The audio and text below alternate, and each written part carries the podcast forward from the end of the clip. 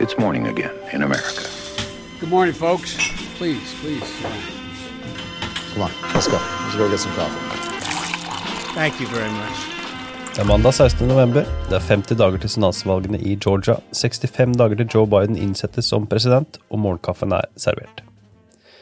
Aller først, en føderal dommer har sagt at endringene i DACA-ordningen, som ble innført i sommer, og som legger begrensninger på søknader og hvor lenge en fornyelse varer, ikke var lovlige.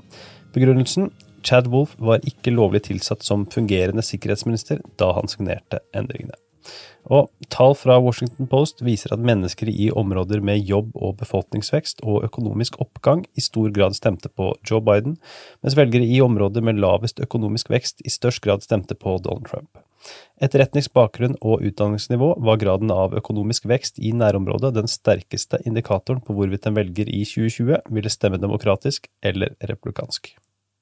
Dagens første sak. I en tale om koronaviruset og vaksineutvikling på fredag var Donald Trump nær ved å indirekte referere til Joe Biden som USAs neste president.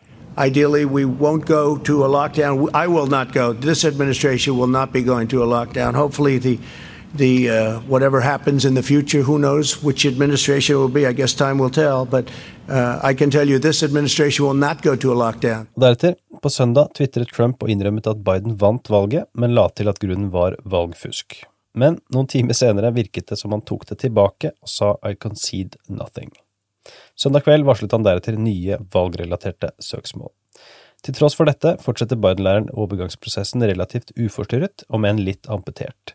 Flere prominente republikanere, blant den Trumps tidligere stabssjef John Kelly, sier at Biden må få tilgang til konfidensielle brifinger om nasjonal sikkerhet, slik at hans administrasjon kan komme i gang fra dag én ved overtakelsen 20. januar. Dagens andre sak. Lørdag samlet flere tusen Trump-tilhengere seg i Washington DC for å demonstrere mot at valget etter deres oppfatning har blitt stjålet fra presidenten. Demonstrasjonene gikk stort sett fredelig for seg, men det kom til mindre sammenstøt mellom Trump-fansen og demonstranter fra venstresiden enkelte steder utover dagen lørdag, og politiet måtte imellom ved et par anledninger. Kan også legge til at Trump-kampanjen i helgen stengte ned telefonnummeret som de har opprettet for innrapportering av valgfusk, fordi linjen ble oversvømt av tulleoppringninger. Dagens tredje og siste sak, andre valgrunde i Guam. På øygruppa Guam ble det ikke avholdt primærvalg i august av koronapandemien, og alle kandidatene til territoriets ikke-voterende kongressdelegat sto derfor på valgseddelen 3. november. Da fikk ingen over 50% og andre valgrunde avvikles der i morgen. På amerikanskpolitikk.no kan du lese vår valganalytiker Jon Henrik Gilus sin gjennomgang av kandidatene til delegatvalget, og vi kan garantere at dette er det eneste stedet i Norge du leser om dette valget.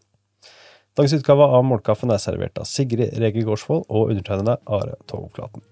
Les mer på amerikanskpolitikk.no, og dersom du ønsker å støtte oss, tar du turen til patron.com.